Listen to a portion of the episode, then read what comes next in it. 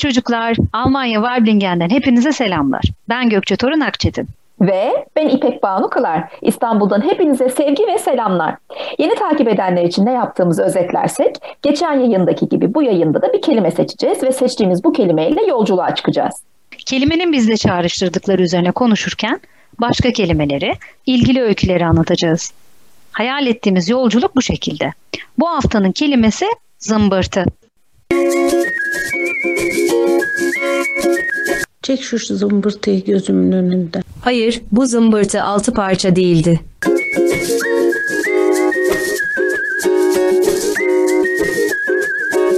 Bu zımbırtı ikimizi de taşıyacak kadar sağlam mı?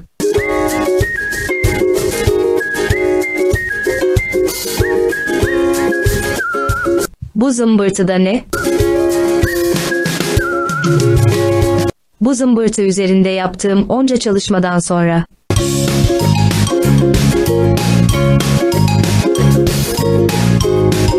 Bu zımbırtı çok yapışkan.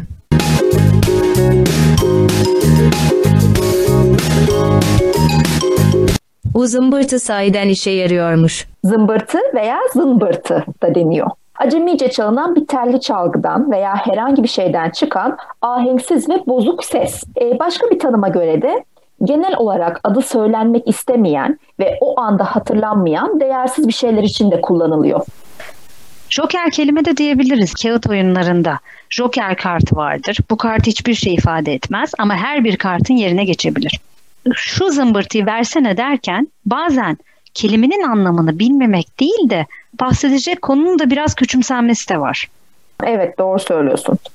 Sanırım joker kelimesinden kastettiğin kelimelere şey kelimesini de katabiliriz. Her dilde bu tip kelimeler var. E, bu tip kelimelerin kullanımı dile hakim olmamaktan mı kaynaklı yoksa dilin zenginliğinden mi bilemiyorum tabii. E, bu kelime beni kelime bilgisine, kelime dağarcığına yolculuğa götürdü. Kelime serveti, söz dağarcığı, kelime hazinesi olarak da anlatabiliriz tabii.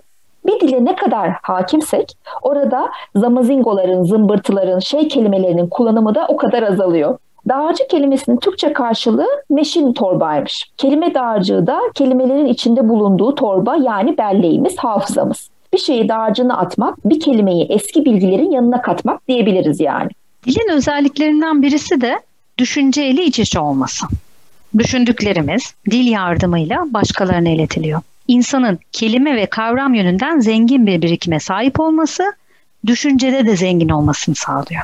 Ya da bunun tam tersi düşünceleri zenginse kelime ve kavramları da zengin oluyor. Dağarcık ne kadar doluysa zımbırtılara ne kadar ihtiyacımız olmazsa o kadar doğru bir şekilde düşüncelerimizi iletebiliriz. Türkçe anlatımımızı sadece kelimelerle değil, anlatım ve kelimenin kullanıldığı yerle de çeşitlendiğini düşünürsek, düşüncelerin iletimi bir o kadar çeşitleniyor. Çeşitliliği bir örnekle anlatabilir misin? İyi kelimesini alalım. Masallarda iyiler mutlaka kazanır. İyi insanlar neden hep yalnızdır? Çok iyi konuşuyorsun. Ne kadar iyisin. İyi kelimesi dört farklı anlatım. Sıfat, isim, zarf olmuş burada. Değişikliğe uğramamış aslında anlam olarak. Ama çeşitlenmiş. Kelime dağarcığı da ayrıca ikiye ayrılırmış. Bir kişinin konuşmalarında ve yazılarında anlamını bilerek kullandığı kelimelerin toplamına aktif kelime dağarcığı, kişinin okuduğu ve işittiği zaman anlamını çıkartabildiği ama kendi cümlelerinde kullanamadığı kelimelerin toplamına ise pasif kelime dağarcığı denmekteymiş. Bu konuda ben de bir araştırma gördüm. Hatta bir yüksek lisans tezi. Ee, biliyor musun Google arama motorunun sadece makale arama özelliği olan bir başka arama sayfası var. Google akademik olarak yazıp arattırırlarsa bu arama motoruna ayrıca erişebiliyorlar. O sitede şöyle bir veriye ulaştım. Afyon Kocatepe Üniversitesi'nde Afyonkarahisar il merkezindeki öğrencilerin sözlü anlatımındaki aktif kelime dağarcığını belirlemeye yönelik bir yüksek lisans tezi yapılmış. Öğrenciler 5-7 dakika konuşturulmuş ve konuşmaları kaydedilmiş. 5. sınıf öğrencileri ortalama 7198 kelime kullanmışlar. Bu kelimelerin 6168'i tekrarlanan kelime 1030'u farklı. Bu durumda 5. sınıf öğrencilerine sözlü anlatımında aktif kelime dağarcığı yaklaşık olarak 1030. Aynı yaş grubunda ABD'de 1958 yılında yapılan bir araştırmayla aktif kelime dağarcığı 5500, pasif kelime dağarcığı ise 34300 olarak belirlenmiş.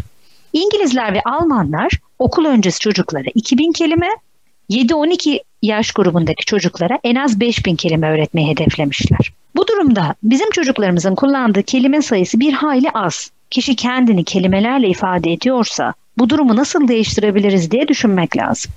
Her şeye zımbırtı demiyorsak da birçok durumu benzer kelimelerle ifade ediyoruz. Yani hoşlanmadığımız tüm durumlara kızgınım demek gibi. Çünkü duygumuzu tarif eden kelimelere aktif olarak sahip değiliz. Benzer durumları aynı kelimelerle tarif ediyor ve aralarında fark olsa bile çeşitlendirmiyoruz aslında. Kelime dağarcığını geliştirmek için birkaç teknik söylemek istiyorum sizlere. Ee, birincisi tabii ki okumak. Çok okumak. İkincisi ve devam edeceğim. Okuduğunuz kitaplar için küçük bir özetin olduğu bir defter tutabilirsiniz mesela. Her okuduğunuz kitaptan 10 yeni kelime bulup bunları kaydettiğiniz sevdiğim kelimeler sözlüğü yapabilirsiniz. Bu kelimeler hakkında ailenizle konuşabilirsiniz. Bu kelimelerle yeni cümleler kurup kelimenin çağrıştırdıklarını açıklayabilirsiniz. Aynı bizim yaptığımız gibi. Mektup evet. yazmak, klasik mektup veya elektronik posta yani yaygın tabiriyle e-mail yazabilirsiniz. Ne güzel teknikler verdin İpek.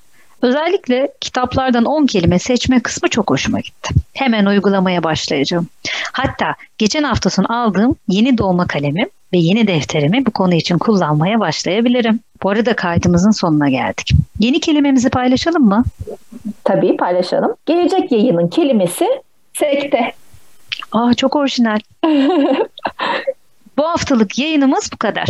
Ben Gökçe. Ben İpek. Hoşçakalın. Hoşçakalın.